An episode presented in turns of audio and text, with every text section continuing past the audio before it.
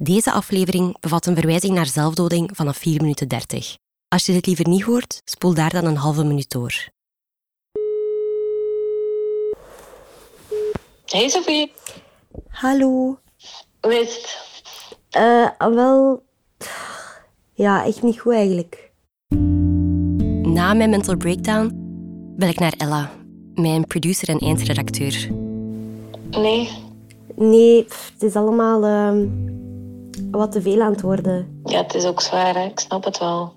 En heb je het gevoel van, ga je nog wel uitgeraken? Of, of is het te dieper dan dat? Ik weet het niet, ja. Ik, als ik aan het babbelen ben met, met de mensen, de gesprekken zijn super tof, maar het is gewoon vanaf dat ik begin eraan te werken en de aflevering in elkaar steek, dan begin ik zo hard te twijfelen over mezelf en, en, en ja, gewoon te twijfelen aan alles en ook gewoon wat dat, dat gaat, goed gaat doen dan als dat uitkomt en wat dat mensen over mij gaan denken of Ja, Ja, wat het is veel, hè. Ik snap het, zeg. Je, zei, allee, je moet altijd een verhaal doen. En, het is ook niet de eerste keer dat je dit voelt. Maar ik denk... ah, misschien denk ik dat het helpt als we nog een keer samenkomen met, met team. En gewoon even samen zitten. We smijten op tafel waar het fout loopt of waar dat jij op vastloopt. En we zoeken gewoon samen naar een oplossing. Zie je dat zitten of niet? Mhm. Ja, Ja? ik denk op deze manier ga ik sowieso niet kunnen verder doen. Er moet wel iets veranderen. iets hè. Ja. We plannen een crisisberaad. Met het hele team.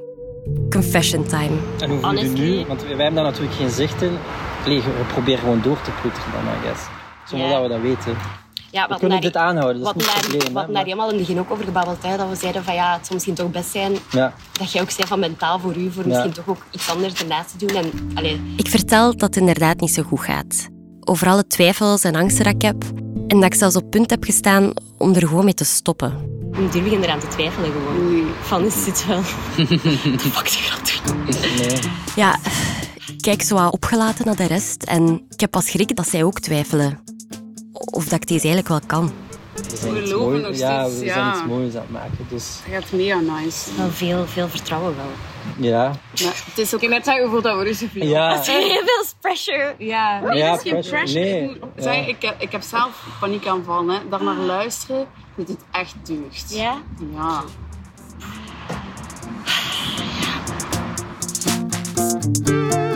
De reactie van het team heeft mij wat geëmotioneerd. Ik moet echt meer open zijn naar hun toe. Want zij doen dat ook bij mij. Ja, en het is ook gewoon oké dat het allemaal wat veel is en dichtbij komt. Dat is bij hun ook zo. In de week erna laat ik de podcast even voor wat dat is. En ik doe een aantal dingen die al even op mijn lijstje stonden. Zoals auditie doen voor de musicalopleiding aan de Muziekacademie. There's a princess, any princess. Ja, ik ben erdoor. Who'd have thought that, huh? Ik spreek terug meer af met vrienden Hey stranger. en ik ga op weekend met Fabrice. Fabrizio! Ik voel mij ook wel wat beter. Zo meer mijzelf. Maar in mijn achterhoofd blijf ik nog altijd piekeren over de mogelijke reacties dat ik ga krijgen op mijn verhaal. Om met die angst om te gaan, wil ik eens gaan babbelen met iemand aan wie dat ik in het verleden ook al veel heb gehad. Ik ken haar niet persoonlijk, maar van op Instagram. Het is heel hard aan het regenen als ik bij haar op bezoek ga. Hoe symbolisch. En ik ben nog wel nerveus, want ik ben ook wel echt fan van haar. I'm a little starstruck. Hallo? Hallo, het is Sophie. Ja, je mag helemaal naar boven komen. Oké. Op Instagram is ze gekend onder de naam Kriebelsessies. Maar haar echte naam is... Evangeline en ik ben 25 jaar. Ze speelt graag gezelschapsspelletjes. Maar voor de mensen die meedoen is het vaak niet zo leuk. ik ben heel competitief. Losing? Not an option. En ik speel ook vals. And I don't care. Een gewoonte die ze heeft is bidden. Ja, ik ben dus ook gelovig. Dat is ook nog een eh, groot deel van mijn identiteit. En als er iemand is die mij kan vertellen hoe het is om je verhaal te delen met onbekenden, is zij het wel. Want Evangeline post heel persoonlijke tekeningen op Instagram. Samen met gedichten en teksten over haar angsten en depressie. Ik ben eigenlijk altijd een heel angstig kind geweest. Maar ik dacht gewoon dat hoe dat ik de wereld beleefde, dat dat bij iedereen was. En op een gegeven moment in mijn puberteit, rond de 15, 16, kwam ik echt in een depressie terecht. Ja, ik kreeg last van zelfmoordgedachten. Van, ik wil er niet meer zijn en ik vind alles heel moeilijk. En op een gegeven moment dacht ik, ja, er gaat hier toch iets moeten veranderen. En dat is het moment waarop ik ben beginnen tekenen. Het was geen redmiddel of zo, maar het was wel een manier om met die emoties te kunnen omgaan. Fast forward naar 2020. Toen begon ze het Instagram-account Kriebelsessies. Nu, dat is klein begonnen. Ik had een Instagram aangemaakt voor mijn tekeningen. Die deelde ik daar gewoon op. En, ehm, ik kreeg zo'n soort van gevoel van... Ja, je zou iets moeten delen over je depressie. Maar ik had nog niks gedeeld. Dus ik zo... Wat een rare, intrusive gedachte is dat. Nee, dat ga ik absoluut niet doen. Heel raar. Maar elke keer als ik zo aan het bidden was of zo, of kreeg ik weer zo dat gevoel van, ja, maar deel daarover. Dus ik zo, weet je wat, oké, ik ga dat doen. Met trillende handen heb ik dat gepost. En daar kwamen superveel reacties op. En zo is dat begonnen. En toen ben ik stiltjes aan zo meer en meer beginnen delen. En ja, op een gegeven moment is dat gewoon vertrokken. Ja, dat sprak mensen aan en mensen herkenden zich daarin. Dus dat vond ik super fijn. Want ik had me wel heel lang alleen gevoeld. Ja, exact. Dat is ook het gevoel dat ik krijg bij haar account. En dat is ook de reden waarom ik Club Angst wil starten. En toch ben ik bang om hetzelfde te doen. Want dat is iets, nu in die podcast, ga ik nu ook zo Hans mijn verhaal vertellen en gaat ook zo online komen. En ik merk zo, met, hoe dichter wij bij de deadline komen, hoe meer stress dat ik over heb, wat dat de reacties van andere mensen gaan zijn. En ik heb ook heel veel schrik om ja, gemene reacties te krijgen of zo, weet ik wat. Dus ik vraag me af of dat iets is dat jij ook bang voor waart of dat je rekening mee houdt of zo. Of... Ik was daar wel bang voor, maar dat gebeurt nooit. Dat is wel cool. Een 2,5 jaar niet. Als het wel zou gebeuren, zou ik daar een beetje mee om moeten lachen. Want ja, wat gaat je zeggen? Je gaat niks zeggen wat ik niet al over mezelf heb gedacht. Dus Ja, dat is het handige aan een angststoornis. dat is wel waar. Je hebt jezelf al duizend keer door het slijk gehaald. Dus Misschien moet ik er zo ook over beginnen nadenken. ja, dat wat gaat jij zeggen? Dat vind ik nog Dat is origineel wel dan. waar. Als je iets kunt bedenken wat ik nog niet heb gedacht. dus dat kan wel gebeuren. Ik neem niet weg dat dat kan gebeuren. Maar ik denk dat de hoeveelheid mensen die daar iets aan hebben, dat dat veel groter is. Ja. Oké, ik geloof Evangeline. Ik geloof mijn team. You got it, girl! I can do this shit. Hell yeah! Let's go. Mijn naam is Sophie Steenhout. Op mijn zestiende had ik voor het eerst symptomen van wat later een angst- en depressieve stoornis bleek te zijn. En ik ben absoluut niet de enige jongere die dit meemaakte.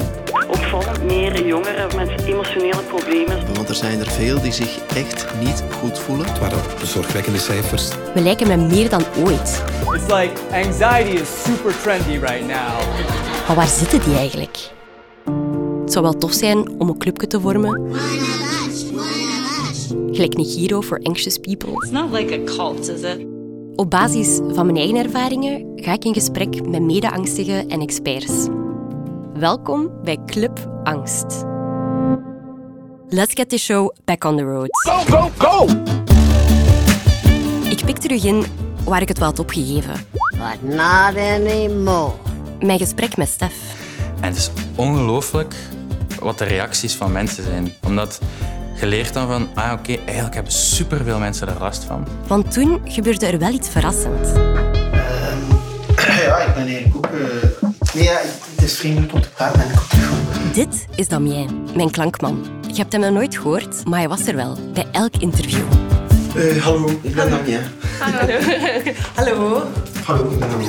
Dag Sofie, hallo, ik ben Matthijs. Dag uh, geluidsman. Dat is Damien. Oké, aangenaam. Ook in mijn gesprek met Stef zat hij er stil bij. Tot nu. Ja, ik ben eigenlijk ook eh, zes jaar in dienst geweest en ben zelfstandig geworden. En ja, een, een coach heb ik nodig, een jobcoach voor de onzekerheden. Een job altijd veel groter en doemdenkender voorstellen dan dat het uiteindelijk dan is. En elke keer dezelfde valtrappen. Elke keer met faalangst echt naar een job gaan en denken van fuck. En dat komt weer neer op gedachten, hè. Uiteindelijk. Dus hoe, hoe jij er naar kijkt Ja, ja, het is dat. Het is dat. Het- en, dat beseffen is al veel. Ja. Ook dingen die ik goed doe, dat is niet belangrijk. Mhm. Zo, en nooit een pluim op u zo zeggen maar nee, dat is puur toeval en dat is chance. En zo van die dingen en dan dingen die dan slecht zijn of dubieus zijn of minder goed, niet direct slecht. Dat is dan, ja, dat, En dat is dan voer om, om dan de volgende jobs die er dan aankomen uh, te denken van het gaat volledig de mist gaan. Uh, dus ja, ik kan volledig begrijpen wat dat zegt. Drie mensen in dezelfde ruimte met een vorm van angst. Bij elk van ons anders, maar toch. Club Angst is echt veel groter dan dat ik dacht. Maar wat betekent dat dan? Dus jij hebt er last van, Sofie heeft er last van, ik heb er last van. En ik ken ook veel mensen die, die daar last van hebben. Waar begint dat probleem dan? Vraag ik mij af. Ja, ik ook. Dat is iets dat ik mij al sinds het begin van Club Angst afvraag. En eigenlijk ook sinds dat ik mijn diagnose kreeg. Het is ook wel ergens een troostende gedachte. Als het iets is dat zoveel mensen hebben, dan is het misschien een algemener probleem. En ligt het niet alleen aan mij. Dus ik begin boeken te lezen. Because reading is what? Fundamental. En ik luister naar radio-interviews en presentaties van mensen met interessante theorieën. Zoals psychiater Dirk de Wachter, die zegt dat we niet meer ongelukkig kunnen zijn. Het heeft te maken met het sociale weefsel, met de illusie dat we alles zelf moeten kunnen. Ja. En dat is niet zo. En ook dat we zo nodig denken dat we altijd fantastisch gelukkig moeten zijn. Ja. Dat kan niet. Of Ines Germijs, de professor uit aflevering 2. Die ziet dat de lat steeds hoger ligt voor jongeren. Er veel mogelijkheden zijn, dat jongeren daar heel vrij in gelaten worden, maar dat wij onderschatten wat dat betekent. Want kies je zelf iets en dat lukt niet, of dat blijkt toch niet te zijn, en dan ben je zelf verantwoordelijk. Filosoof Bleri Leeschi kijkt naar de economische factoren. Die angst eh, komt door de steeds toenemende ongelijkheid in onze samenleving. Nog nooit in de menselijke geschiedenis hebben 62 mensen evenveel rijkdom gehad als 3,6 miljard mensen. Terwijl psycholoog Bram Vervliet de grote stijging in angsten nuanceert. Als je wereldwijd gaat kijken bijvoorbeeld, dan zie je voor angst en depressie een gigantische toename. Maar als je dieper gaat kijken, dan heeft dat te maken met in eerste instantie de gigantische toename van de wereldbevolking. Dus als je gaat kijken puur naar cijfers, dan blijkt dat allemaal wel mee te vallen. Hm. Het is allemaal heel interessant. Maar ze zijn het eigenlijk niet helemaal eens met elkaar. Because it's complicated, it's complex. En ze zeggen ook niks waar ik echt iets mee kan doen. Allee, tenzij dat ik een gigantische maatschappelijke revolutie wil ontketenen. Do it, do it. Wat dat mij wel veel doet, zijn de verhalen van de mensen in Club Angst zelf. En ik herinner mij dat ik daar ook over heb gebabbeld met de jongeren in de klas in de allereerste aflevering. Ik graaf mijn tape terug op om te zien wat dat zij toen hebben gezegd. Ja, want denken jullie dat er vandaag meer jongeren zijn die angsten hebben? Ik denk het wel. Ik denk dat sociale media daar ook wel een grote factor in is. denk ik ook zo. Nu, sociale media is zo'n heel grote rol. Want dan creëert je ook bepaalde angsten met zo andere mensen. Want je vergelijkt je en dan word je bang omdat je niet dat bent. En je wilt dat mensen je leuk vinden. En dan denk je dat mensen je gaan achterlaten. Omdat je niet aan dat level kunt voldoen dat je ziet online. Denk je dat dat beter was voor sociale media? Ja, toch vooral. Ehm, vroeger was de mentaliteit ook helemaal anders. En nu, zeker door sociale media, is dat totaal veranderd. Mensen denken nu aan hun uiterlijk en zo. En helemaal anders. Dat de wereld gewoon zo allemaal wat groter is geworden of zo, omdat je veel meer mensen kunt zien en horen. En, ja. ja, in mijn tijd vergeleek ik mij alleen met mensen op school. With pure pressure. Vandaag vergelijk ik mij met gans de wereld. I ain't judging, but it's time to get rid of that. Op een bepaald punt heb ik zelfs al mijn vriendinnen ontvolgd op Instagram. Allee, niet dat ik hun foto's niet wou zien, love you. maar dat doen we misschien beter als we afspreken. En niet wanneer ik stinkend in mijn bed lig, waar ik die week amper ben uitgekomen. Smells like somebody's dead. Misschien focus ik mij dan beter op mijzelf, Take a shower first, honey. in plaats van mij te vergelijken met andere mensen. Wat als we dan nu eens volledig zouden uitschakelen? Onze gsm gewoon in de zee smijten.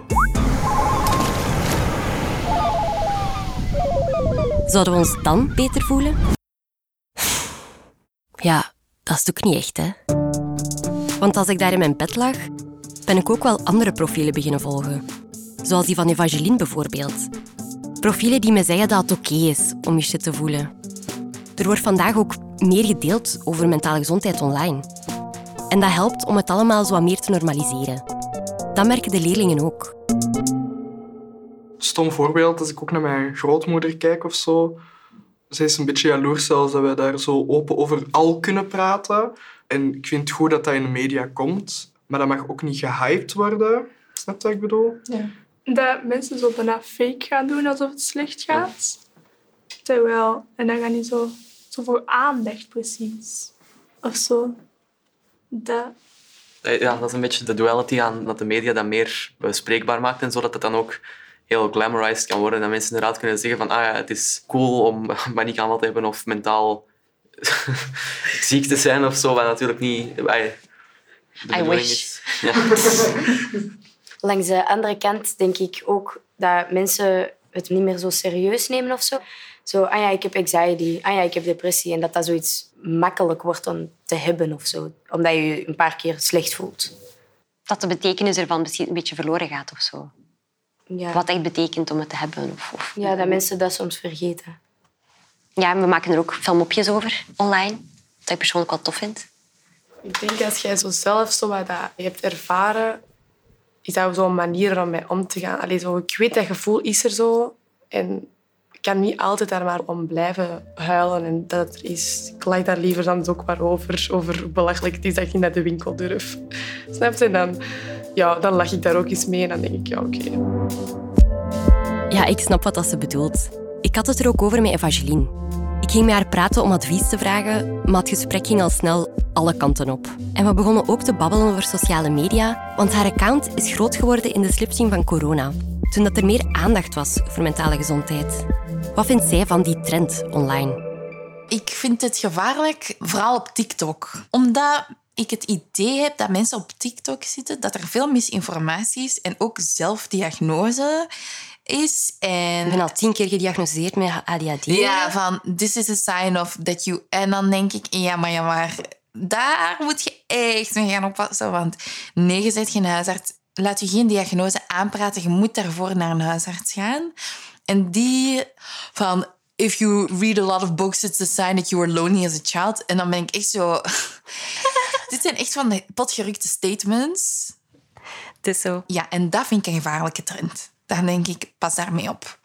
Ja, ik denk, het is super dubbel, want langs de andere Ja. kant vind ik het ook wel wijs bijvoorbeeld als andere mensen ook zich herkennen in symptomen van Mhm. angsten of van depressie. Van, ah, zie, je snapt wel wat... Allee, ook als zij bijvoorbeeld een meme delen en al. Ja. Van, het is niet van dat dat exclusief is voor onze club of zo. Van, Nee. alleen, alleen wij mogen daarmee lachen. Van, jij mag, allee, of alleen wij mogen dat herkenbaar vinden. Dus van, ja, nee, ik snap dat, zeker ook tijdens corona en al, Ja, dat heel herkenbaar is om te doomscrollen of Ja. om die naar buiten te durven gaan of je sociaal angstig te voelen. Ik denk dat heel veel mensen dat ook gewoon snappen. Maar Mhm. dan gaat denk ik inderdaad gelijk ook zo over de juiste informatie hebben, Ja. dat je weet wat het verschil is. Mhm. Van, iedereen kan ook een keer een paniekaanval hebben of een keer angstig zijn. Maar het is een groot verschil met dat dat inderdaad je leven begint te belemmeren of dat je... En dan moet je, dan moet je daarmee verder gaan. En dat kan ook iedereen overkomen. Mhm. Dus ja, dat gaat echt over de juiste informatie hebben. En daarin is sociale media niet goed. Nee. Daarom denk ik ook dat ze daar op school meer over zouden moeten praten. Want... Ja, maar daarvan, ze weten wel een pak meer vandaag dan wij wisten. Hoor. Dat is waar. Wow. Dat is echt wel waar. Dat vond ik zot wel. Bij die school ook. Ja, die Ik kunnen zich echt- nog goed uitdrukken, hè? En dat is wel door sociale media. Hè? Ja. En door al informatie dat je vindt en mensen die daar hun eigen ervaringen, ook experten die daar artikels over delen. En inderdaad ook die taal te hebben. Die Ja. taal te hebben om erover te spreken, zij hebben die. Ja, bij ons was het gewoon, ik voel me niet goed. Ik voel me niet goed. Maar wat voel je niet goed? Nee, ik voel me slecht. Ja, ik voel me slecht. Maar wat dan? Ik weet het niet. voel me gewoon slecht. Nu is zo van... Ja. Allee, hoe dat hij dat uitlegde. En ook echt zo met metaforen en al. Dat ik daar zat van... Wat? Eh, ik heb daar drie jaar therapie voor nodig gehad. Dus eh, dat is echt wel... Dat is wel goed, hè? Dat er nu meer de woorden voor zijn, dat is wel goed. Ja. Is het dat dan? Dat we niet per se met meer zijn, maar dat er vandaag gewoon meer wordt over gepraat? Sociale media werkt hier misschien als een soort vergrootglas. En het hangt dan af waar je dat vergrootglas op richt. Je kunt je onzekerheden net extra groot maken en je vergelijken met andere mensen. Of mensen vinden die je net kunnen helpen. Ik vraag het nog eens aan professor contextuele psychiatrie Ines Germijs. Maakt sociale media ons nu angstiger of niet? Ja, uiteindelijk is sociale mediagebruik, als je al die goede kwalitatieve studies bij elkaar legt, verhoogt dat het risico even hard als het dragen van een bril of zo. Dus eigenlijk is dat effect daar niet.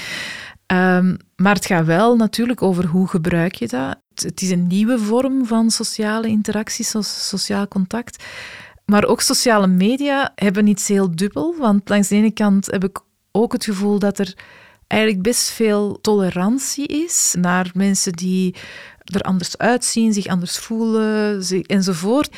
En langs de andere kant krijgen we via sociale media toch ook weer een soort druk van altijd de beste kant van jezelf laten zien en toch verwachtingen van hoe je eruit ziet.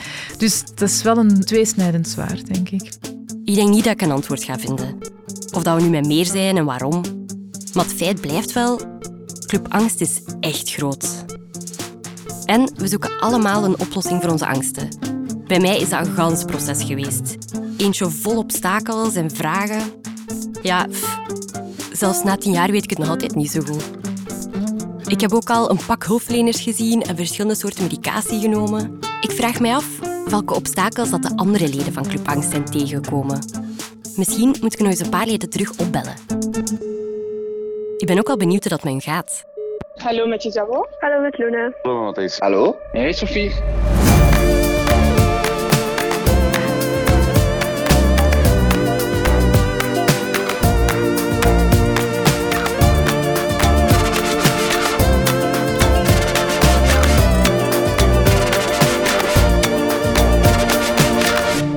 Je nood hebt aan een gesprek, kan je altijd bellen en chatten met Teleonthaal.